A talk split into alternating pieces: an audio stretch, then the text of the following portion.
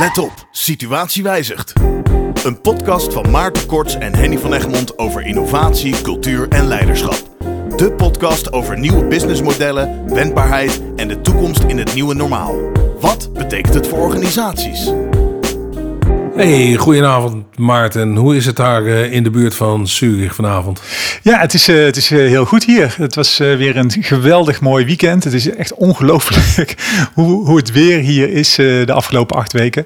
En, en wat strubbelingen in, in Zurich, wat anti-lockdown demonstraties. Maar ook goed nieuws in die zin voor wat ondernemers. Omdat Restaurants uh, zijn uh, open gegaan deze week. Uh, overigens niet al allemaal, want je ziet dus sommige ondernemers, ook hier in het dorp, die zeggen van ja, wij kunnen niet met, met die nieuwe protocollen rendabel draaien. Dus dat is ook wel weer grappig. Je ziet sommige restaurants gaan gewoon open en de terrassen komen vol en die krijgen weer mensen naar binnen. En anderen zeggen van nou ja, wij, wij krijgen de bedrijfsvoering niet rond. Dus dat is wel een, een interessante. En hoe gaat het in Nederland? Ja, uh, we zitten nog in de afwachting. Hè. Het komende uh, weekend van Pinksteren zou het open mogen hier, maar pas op tweede Pinksterdag. En uh, Rutte heeft gezegd, van, nou, misschien kan het al een dagje eerder. Maar ook hier zie je het verzet toenemen. Dus de Haagse strandtenthouders hebben al aangekondigd dat ze aanstaande woensdag, de dag voor hemelvaart, open gaan. Want dan is het prachtig weer, wordt hier voorspeld. Het wordt de warmste hemelvaart ooit, 29 graden. Um, en die hebben gezegd, ja, we gaan gewoon open, want anders gaan we failliet. En als we een boete krijgen, maakt het ook niet uit, want failliet gaan we toch. Ja, ja, ja. Uh, dus de gemeente moet maar gaan handhaven. Uh, wat ik wel even benieuwd bij ben, houden de organisaties zich een beetje aan die anderhalve meter? Dus het terrasje stromen vol, zei je. Maar zitten de mensen wel een beetje van elkaar af? Ja, ja, ja en nee. Dus uh, je, je ziet dat ze dus de, de tafels uh, op, uh, op die anderhalve meter hebben, hebben staan. En ehm, je mag dus met je uh, gezin of met de groep waarmee je bent, mag je om zo'n tafel zitten. Dat is, dat is ook gemaximeerd met, uh, van, voor vijf man meestal. Dus als je een groter uh, gezin bent of een grotere groep, dan, dan, lukt, dat, dan lukt dat niet. alleen ja, weet je, je, je moet ook lopen naar de bar of naar de wc. En dan lukt het meestal niet om die anderhalve meter te houden. de bediening is vaak wel redelijk op afstand. Dus de, ze, ze nemen de orders op op anderhalve meter. En uh, wat ik meestal zie is een soort karretje wat ze, waar ze dan alles op schuiven. En dan kun je het daarvan afhalen. Dus dat, dat gaat redelijk. Uh, maar het is, uh, ja, weet je, het, het, rare is als mensen dan het terras aflopen. En dan bijvoorbeeld, ik, ik woon hier vlakbij een meer. Daar, daar loopt iedereen dan weer op één meter afstand langs elkaar. Dus het is, het is een bijzondere situatie in ieder geval. Dat, dat op zijn minst. Ja, nou ja, er is natuurlijk geroepen dat die anderhalve meter eh, de norm wordt voor de komende twee jaar.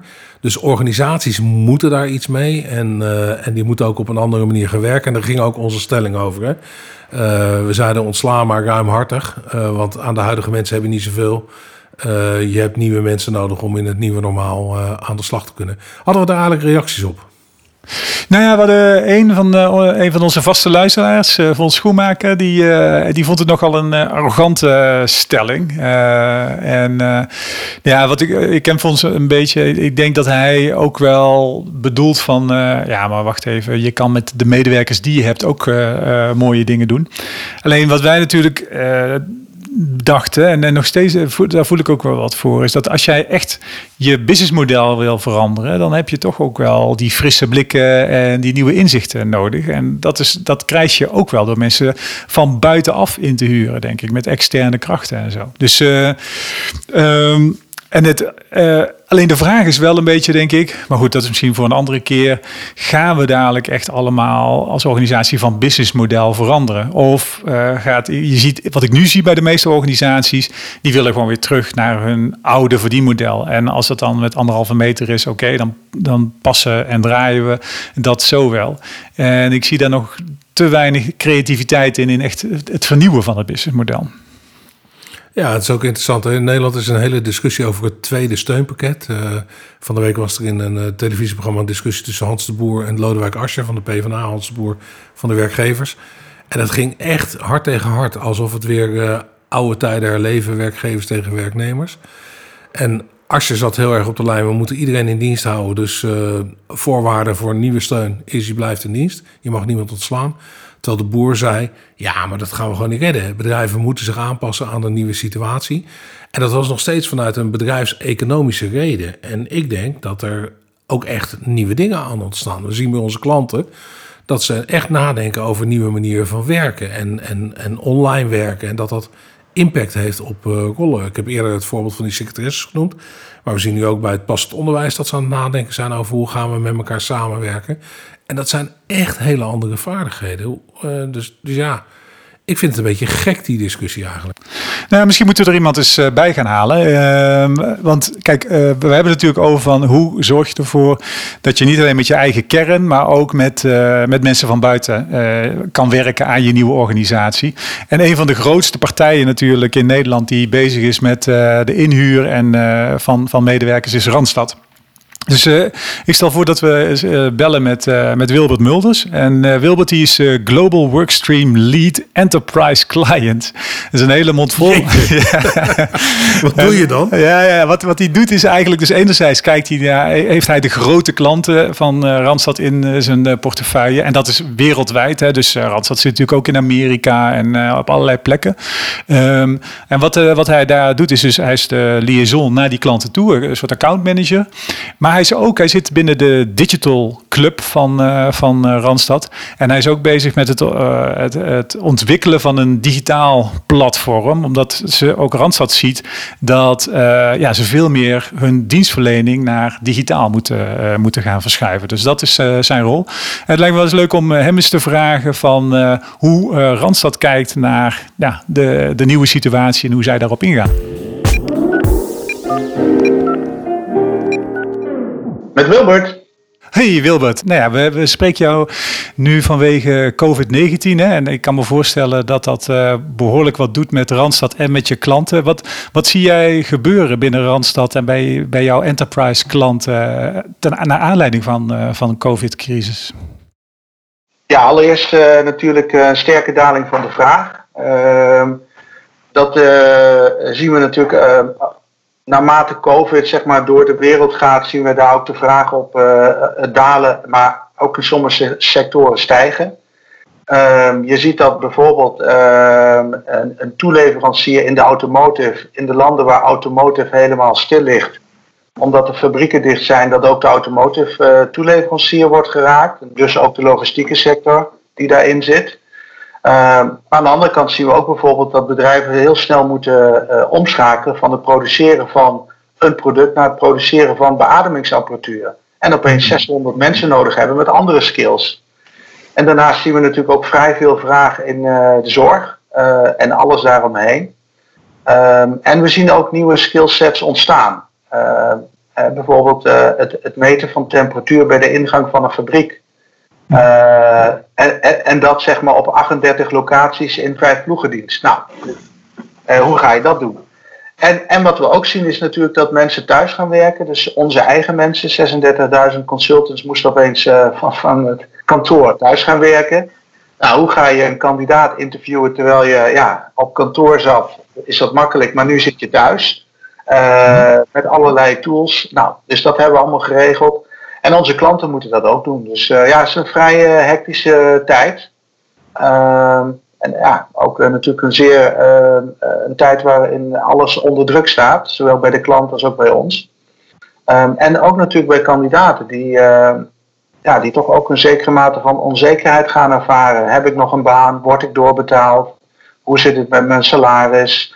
Ehm, nou, dat zijn allemaal factoren die, die meespelen in dit proces. Ja. ja, en jullie zijn natuurlijk uh, een van de drie grootste uitzendbureaus ter wereld. Hè? En, en samen met uh, Manpower en Adecco hebben jullie ook een soort open brief geschreven hierover. Kun je wat vertellen wat, wat het doel daarachter was van die open brieven? Ja, dus um, eigenlijk uh, samen met, met, met die twee partijen die je net noemde, Adecco Manpower en McKinsey, hebben we eigenlijk het voortouw genomen om ehm, een, nou, een soort systeem op te zetten waarbij we safely back to work kunnen organiseren. Omdat natuurlijk de impact van COVID op het hebben van een baan, wat een heel belangrijk element is uh, voor, voor mensen, in hun leven. het geeft salaris, het geeft vastigheid, het, nou, perspectief, noem maar op. Uh, dan zag je natuurlijk gebeuren dat, dat dat opeens ging verdwijnen. Wat we wilden doen is eigenlijk, hoe kunnen we nou de handen in elkaar slaan om te zorgen dat die mensen weer snel terug naar hun werk kunnen. En hoe kunnen we onze stakeholders, de regering, vakbonden, uh, ondernemersorganisaties zoals in Nederland VNO-NCW, helpen om snel inzicht te krijgen in wat zijn er voor protocollen, hoe ga je dat organiseren en wat ga je doen als uiteindelijk blijkt dat het langer gaat duren. Uh, en dat je niet met 100% van je bezetting kan werken, maar met 40% op kantoor kan zitten. Hoe ga je dat doen? Nou, daar hebben we handen in elkaar geslagen. Daar zijn, uh, uh, zeg maar, bij alle partijen hebben we uh, verdeeld over de landen, verdeeld over sectoren. En iedereen heeft daarin zijn, zijn bijdrage geleverd om uiteindelijk een protocol op te leveren waarin staat hoe je om moet gaan met bijvoorbeeld 100 man om 11 uur in het restaurant. Ja, dat gaat niet meer. Er kunnen er nu maar 30 zijn. Hoe ga je dat regelen? Uh, dus al die protocollen hebben we verzameld. Dus wij maken zelf geen protocollen, maar wij verzamelen die protocollen. We halen de dublures eruit en die uh, stellen we ter beschikking aan alle stakeholders die we in dat hele veld zien. En dat, dat, dat, dat gaat zelfs uh, tot politieke partijen toe die zeggen, nou, hoe, hoe ga je daarmee om? Ehm, want het heeft natuurlijk ook voor de politiek een belangrijk symbool van hoe ga je om met het geven van zekerheid aan uh, uitzendkrachten, maar ook aan vaste medewerkers die uh, bijvoorbeeld een uh, tijdelijk contract hebben bij het bedrijf en die nu opeens zonder baan zitten. Ja. Dus al dat soort dingen ehm, proberen we daarin te verwerken. Ja, mooi dat jullie daar een soort platformrol spelen en eh, dat ook die kennis weer beschikbaar stellen voor, uh, voor iedereen. Nou, nou vertelde je dat jouw rol ook is over ja, innovatie en je noemde net de digitale ontwikkelingen ook binnen Randstad en voor je klanten. Ehm, in, het, in de open brief gaat het ook over het nieuwe normaal.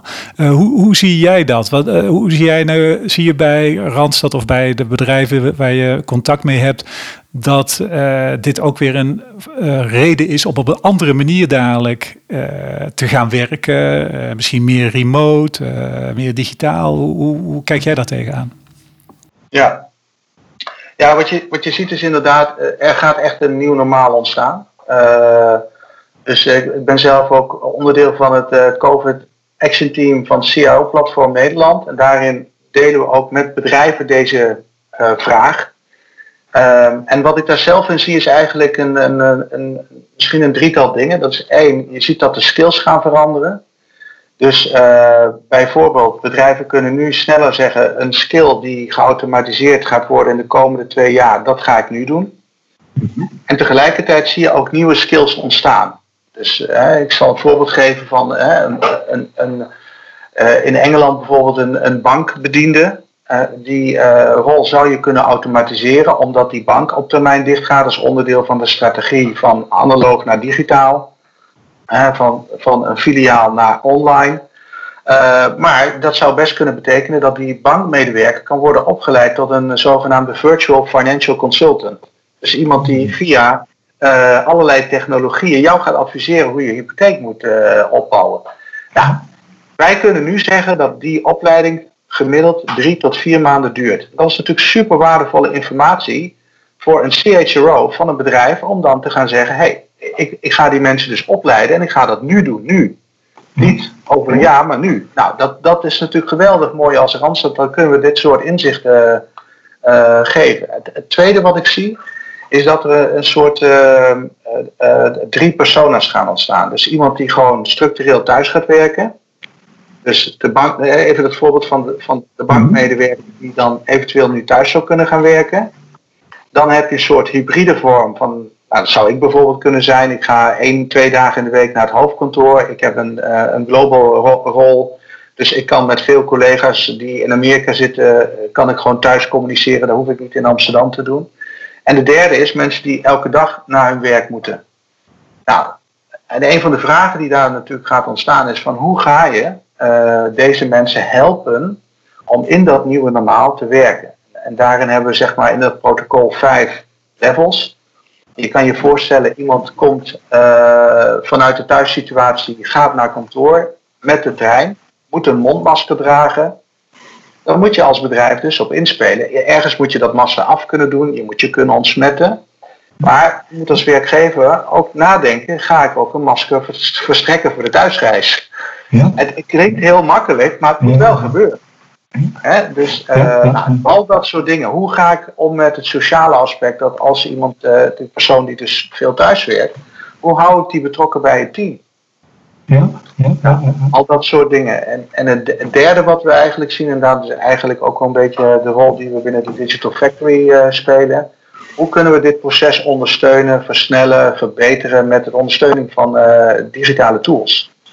En bijvoorbeeld, uh, hoe ga je iemand onboarden die thuis werkt?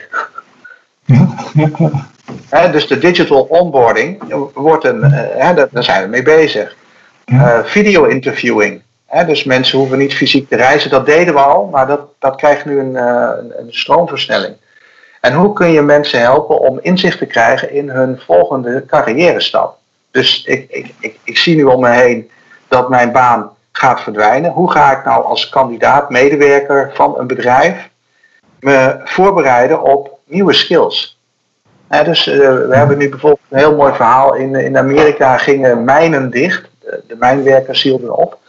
Nou, die mensen die kunnen werken onder extreem hoge druk, letterlijk en figuurlijk, in teamverband. Uh, kunnen lang focus houden op, een, op één uh, stuk arbeid. En die hebben we omgeschoold tot Java-engineers. hoe cool is dat? Ja, hoe cool is dat? Er is ook in die streek geen weer ander werk. Dus die mijnen gaan dicht. Dat ligt allemaal, is allemaal over en sluiten. Dus zij zijn nu thuis aan het werk als Java-engineer. Nou, dat, dat, zijn, dat zijn geen mensen met een uh, universitaire academische achtergrond. Maar die kunnen prima uh, werk verrichten in een nieuwe wereld. Nou, dat zijn allemaal dingen waar we mee bezig zijn als Randstad om te zorgen dat die dynamiek uh, in de positieve richting gaat. En dat mensen kijken naar de toekomst. En wat kan ik nog wel doen in plaats van ja, focus op het negatieve. Ja, ja, ja. ja. Tot slot, uh, Wilbert, dank je wel voor, voor al deze informatie. Heb, heb je nog uh, een, laatste tip voor ondernemers of misschien kandidaten hoe ze door deze tijden heen moeten komen? Wat,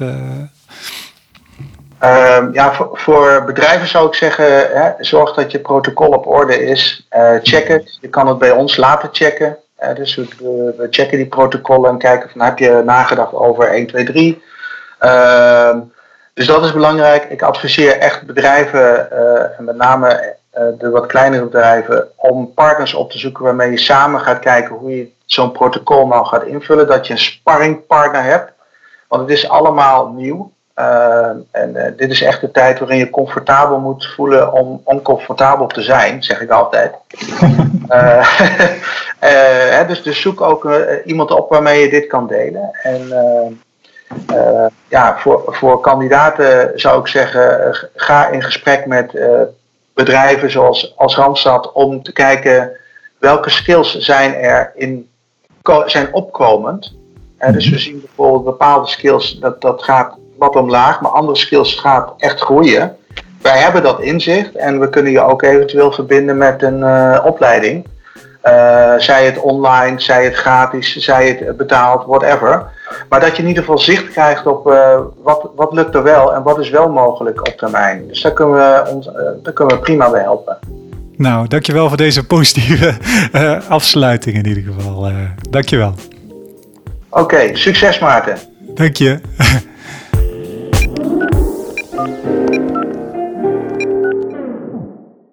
Mooi interview, uh, Maarten. Leuke vent. Uh, wat ik me afvraag, uh, ze zijn heel erg bezig met die protocollen. heb je eigenlijk met hem nog doorgepraat over of het een beetje vergelijkbaar is in al die landen?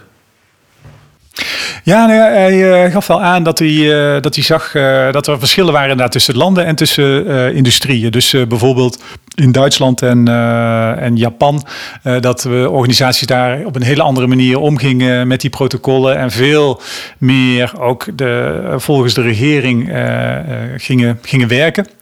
Terwijl in landen zoals uh, Nederland, maar ook in Amerika, uh, en zeker in Amerika, dat daar veel bedrijven waren die zoiets hadden van, uh, ja, weet je, wij doen gewoon ons eigen ding. net als Tesla, die gaat gewoon zelf aan de slag, onafhankelijk van wat een overheid zegt. Dus, dus daar zie je verschillen tussen. En wat ik wel leuk vond, dat hij ook zei van, ja, dat is ook in de industrieën. Dus de, de, in de voedselindustrie zijn ze al super lang bezig natuurlijk met hygiëne en weten ze al, is dat gewoon standaard onderdeel van hun bedrijfsvoering.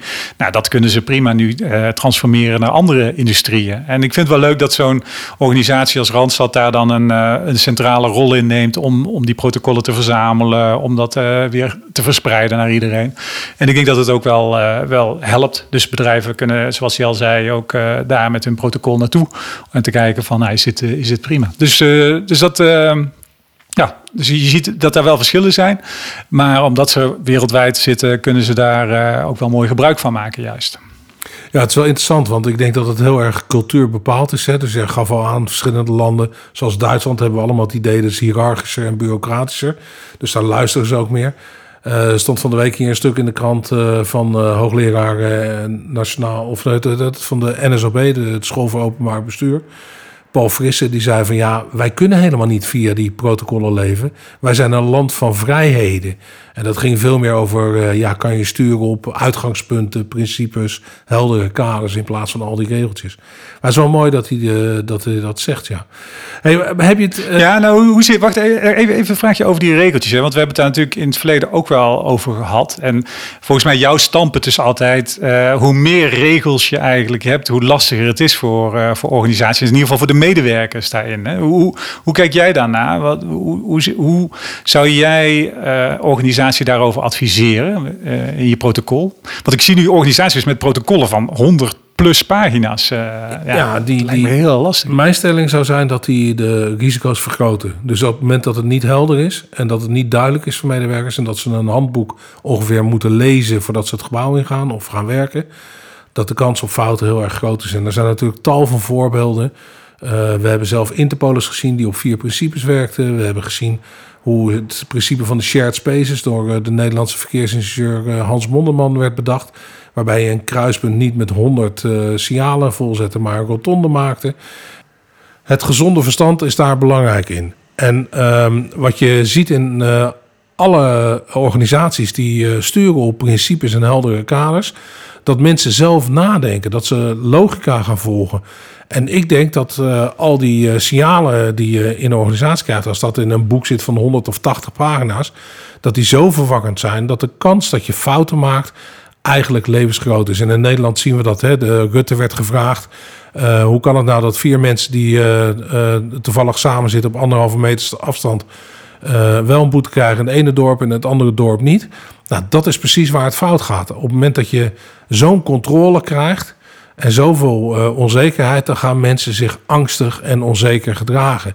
En dat levert uiteindelijk volgens mij uh, een angstige, onzekere organisatie op. En dat is niet, niet wat we nodig hebben op dit moment.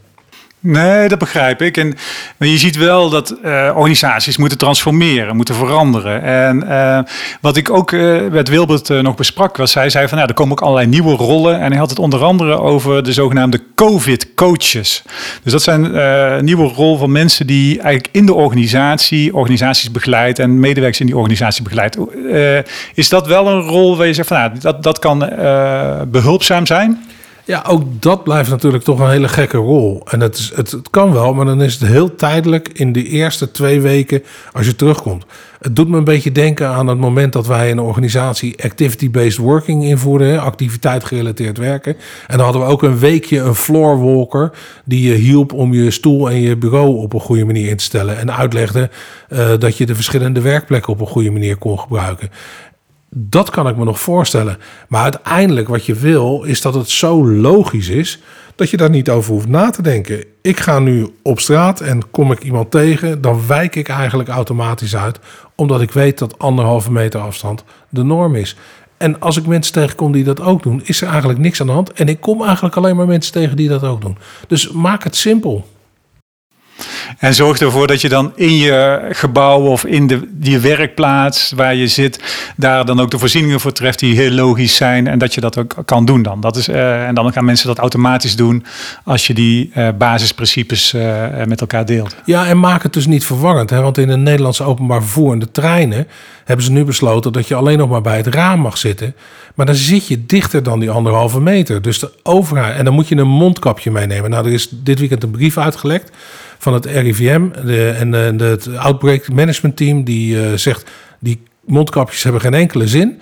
Uh, je moet gewoon die anderhalve meter vasthouden. Maar wat doen we? Omdat de NS zegt: ja, ons personeel is bang, dus we moeten mondkapjes hebben. Zetten we mensen dichter bij elkaar dan die anderhalve meter in de trein. Om personeel van de NS te beschermen. Mijn idee zou zijn: laat dat personeel even gewoon niet controleren in die trein. Dan hoeven ze ook geen risico's te lopen. En dan kan je gewoon lekker zitten op anderhalve meter afstand. Ja, ja, ja, de vraag is in ieder geval hoeveel mensen dan in de trein gaan natuurlijk, als het niet meer gecontroleerd wordt. Maar je hebt gelijk, ik denk dat dus eenvoud uh, daar zeker bij helpt. Want het is voor medewerkers natuurlijk al complex genoeg. En uh, je, je ziet natuurlijk ook een situatie ontstaan. We, we, hebben natuurlijk, wij zeiden eigenlijk in de stelling van, nou, je hebt die frisse blikken nodig. Wat, wat Wilbert eigenlijk schetst is, uh, je krijgt drie type persona's, zoals hij het uh, noemde. Hè? De, de, de mensen die 100% thuiswerken.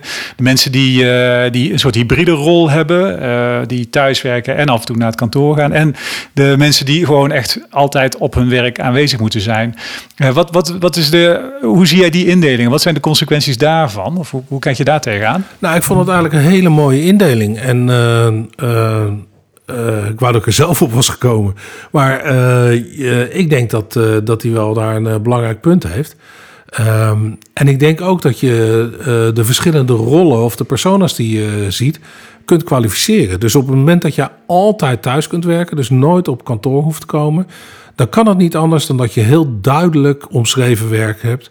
Dat je repeteerbare handelingen doet, dat het resultaat heel scherp gedefinieerd kan worden. En dat je ook de technologie hebt om dat thuis te doen.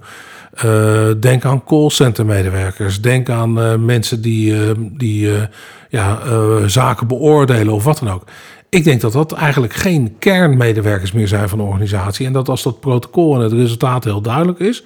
En je kunt in, een, in een paar dagen trainen. Dan wordt het een soort uitwisselbare workforce. Het gaat wat anders als je het hebt over de mensen die echt op kantoor moeten zijn. Of die die hybride functie hebben. En hybride denk ik dan ook aan. Ja, die gaan naar klanten en die bezoeken dat. En die hebben daar gesprekken en die zorgen voor nieuw business. Of uh, zijn in, actief in netwerken met andere organisaties. Ja, dat zijn in mijn ogen meer cruciale functies voor de toekomst. Dan, uh, dan die, die thuiswerkers, zeg maar. Vroeger hadden we granalenpellers, die konden ook alles thuis doen. Ja, en die kon je gewoon uitruilen. En ik denk wel dat dat gaat gebeuren. En dat het ook een beetje uh, spannend gaat worden. Want dat, dat, ja, we hebben natuurlijk de laatste jaren gezien dat dat soort functies niet zo uh, spannend en interessant meer uh, zijn.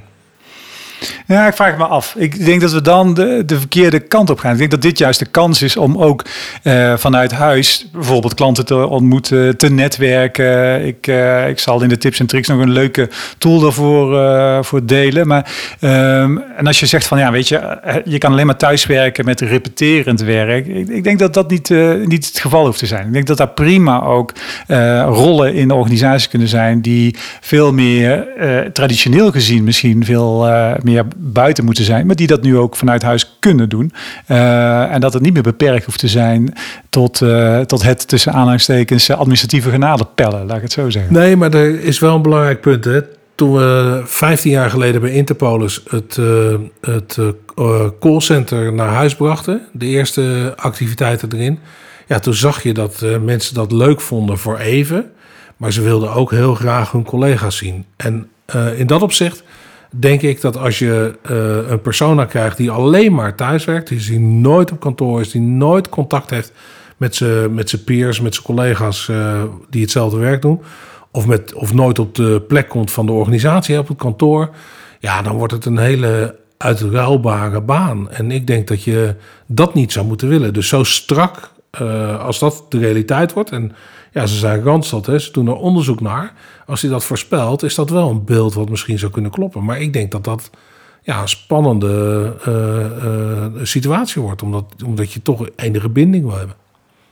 Ja, het, grappige is ook dat hij zei van, uh, nou ja, het, het, het, het hoeft niet, uh, die, die nieuwe businessmodellen en die veranderingen in de organisaties hoeft niet alleen te komen door frisse blikken. Je kan ook met je huidige workforce nieuwe dingen uh, doen. En je, hij gaf het voorbeeld van, van de mijnwerkers natuurlijk, die ja, omgeschoold werden. Um, je ziet nu dat veel mensen en veel organisaties werken met persoonlijke ontwikkelbudgetten en zo.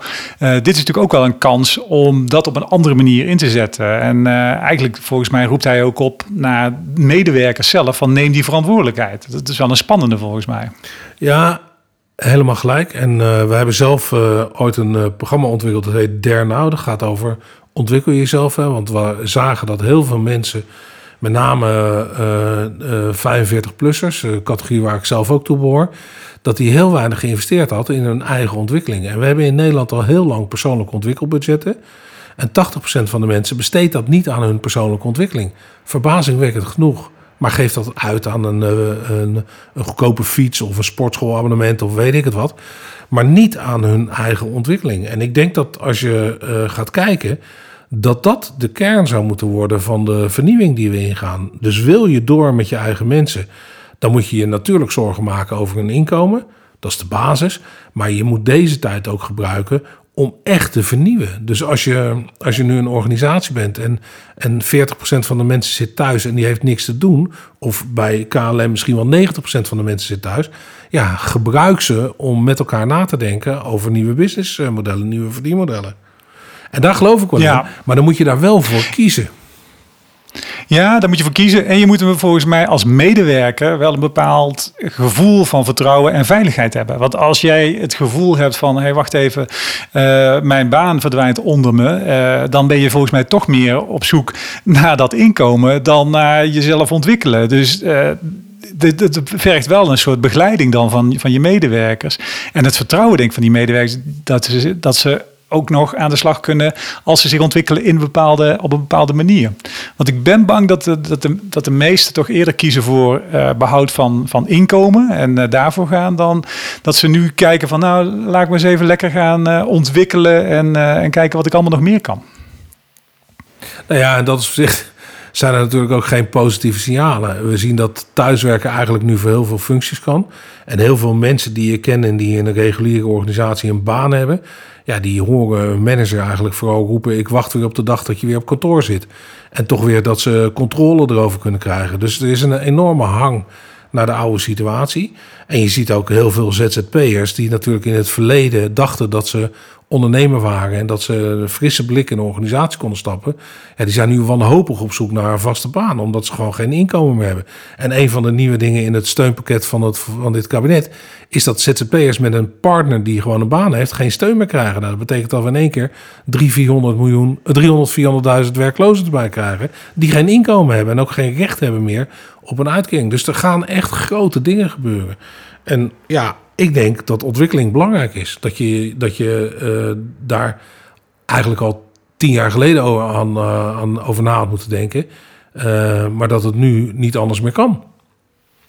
Nee, ik ben het volledig met je eens. Dus dat ontwikkelen, uh, dat blijft uh, het meest belangrijke. En ik denk ook zonder COVID was dat een, een, een super belangrijk in een tijd waar je continu nieuwe technologieën, nieuwe disrupties om je heen ziet gebeuren. En die verantwoordelijkheid ligt ook bij die medewerkers. Ik vraag me alleen wel af of deze tijd nu de, de, de, de basis is en de stabiele basis geeft om eens even rustig te gaan kijken van waar je ga, gaat ontwikkelen.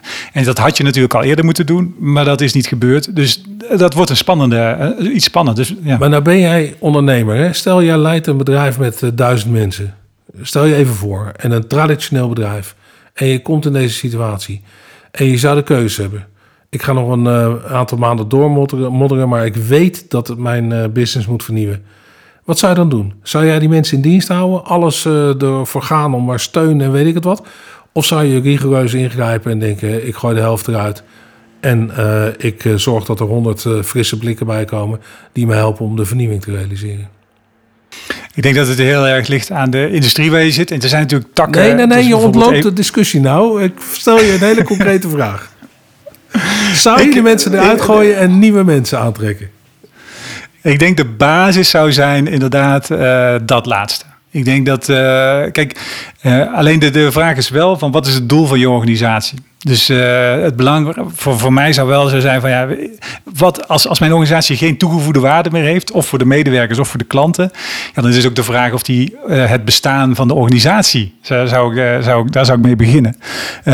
maar je hebt gelijk, als je echt op zoek moet gaan naar een nieuw verdienmodel, dan zou ik ook proberen om zo snel mogelijk afscheid te nemen van de mensen die supergoed waren in het, uh, uh, in het uitvoeren van het oude verdienmodel, in de oude manier van werken.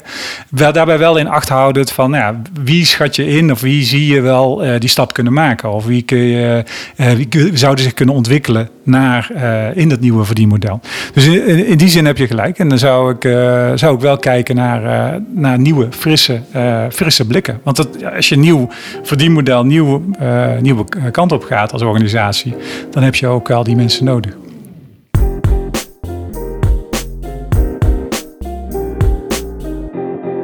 Henny, heb je nog tips voor de mensen? Ja, ik heb een tip voor organisaties die in hun maag zitten met uh, hun mensen, van wie ze weten dat ze eigenlijk uh, niet meer nodig zijn. Mm -hmm. De bijwerkers uh, in het voorbeeld van Randstad. en dat is op de site van de Algemene Werkgeversvereniging Nederland. Die hebben een mooie applicatie en die heet TipTrack. En wat die doet is eigenlijk wat, uh, wat Wilbert uh, van Randstad vertelde. Daar vul je je baan in met de competenties die erbij horen. En dan krijg je allerlei verschillende nieuwe functies uh, aangeboden. waar je actief kunt worden met dezelfde competenties. Dus dat is een, dat is een eerste tip. Mm -hmm. Een tweede die ik aan organisaties willen geven. En dat is toch eens een keertje te luisteren naar Aukje Nauta. Aukje Nauta is hoogleraar in Leiden. En die heeft het principe van de ideal bedacht. En dat gaat heel erg over uh, uh, individuele afspraken die je maakt met medewerkers in het kader van hun ontwikkeling. En dat gaat verder dan alleen dat simpele inkomen. Dat gaat erover dat je een soort onderhandeling met elkaar hebt waar je echt een win-win hebt. Dus misschien kan je wel met mensen dealen dat ze weggaan, maar voordat ze weggaan help je ze nog zich te ontwikkelen. En de laatste tip, maar dat is misschien een beetje ja, een makkelijke. We hadden natuurlijk uh, de 21st Century Skills van World Economic Forum. Mm -hmm. Het ging over creativiteit en interdisciplinair werken. Nou, allemaal dingen die vandaag de dag nog steeds relevant zijn. Maar op 1 mei hebben ze ook gebaseerd op onderzoek onder LinkedIn. Waar wordt er nu naar gezocht in deze tijd? hebben ze vijf vacatures, vijf baansoorten of werk terreinen die belangrijk zijn in de toekomst. Uh, en daar hebben ze de groei ook in voorspeld. Dus uh, data en artificial intelligence staat op nummer 1. Nou, maar op nummer 3, en dat stemt mij weer dan heel erg vreugdevol, staat het werken rond mensen en cultuur in organisaties. En dat zou mijn laatste tip zijn: hè, dat organisaties die echt willen veranderen, moeten met hun mensen aan de slag en met hun cultuur. En jij? We hadden het ook nog over uh, die, uh, die mensen die vanuit huis uh, andere dingen doen dan administratief kanalen pellen. er is een site die heet YoTribe. En wat ik merk is dat er nu heel veel webinars zijn. En eigenlijk wat daar aan ontbreekt, die zijn allemaal heel functioneel ingesteld. Maar ik mis het informele borrelen, rondlopen, mensen aanspreken. En wat YoTribe doet is eigenlijk dat creëren. Dus je kan daar met je persona eigenlijk rondlopen. Je kan naar een groepje gaan, daarbij gaan staan, met mensen kletsen. En daardoor kun je denk ik weer uh, net iets dichter bij, die, ja, bij de, de, het nieuwe normaal komen. Maar dan wel vanuit je laptop of vanuit je, met je mobiele telefoon of vanuit je kamer. Uh, en dat, uh, ik zou zeggen tegen iedereen van nou probeer dat eens uit en ga daarmee aan de slag. Nou, mooi. Klinkt een beetje als Second Life, maar dat is alweer twintig uh, jaar terug. Uh, zegt hij zo van jouw leeftijd, ja. Oké. Okay. Hey, uh, wij gaan de komende week even op vakantie. Jij zit natuurlijk altijd op vakantie ja. daar aan dat prachtige meer Heerlijk. in, in de buurt van Zurich. Maar ik ben een weekje ja. weg en uh, over twee weken zijn we weer terug. Ja, en misschien nog een leuke oproep voor mensen. Uh, als jullie uh, ideeën hebben, tips of onderwerpen waar we het over kunnen hebben, gooi het op LinkedIn en dan kunnen we daarmee aan de slag. En nou, tot over twee weken en veel plezier, Henny. Dank je. Let op, situatie wijzigt. Een podcast van Maarten Korts en Henny van Egmond over innovatie, cultuur en leiderschap. De podcast over nieuwe businessmodellen, wendbaarheid en de toekomst in het nieuwe normaal. Wat betekent het voor organisaties?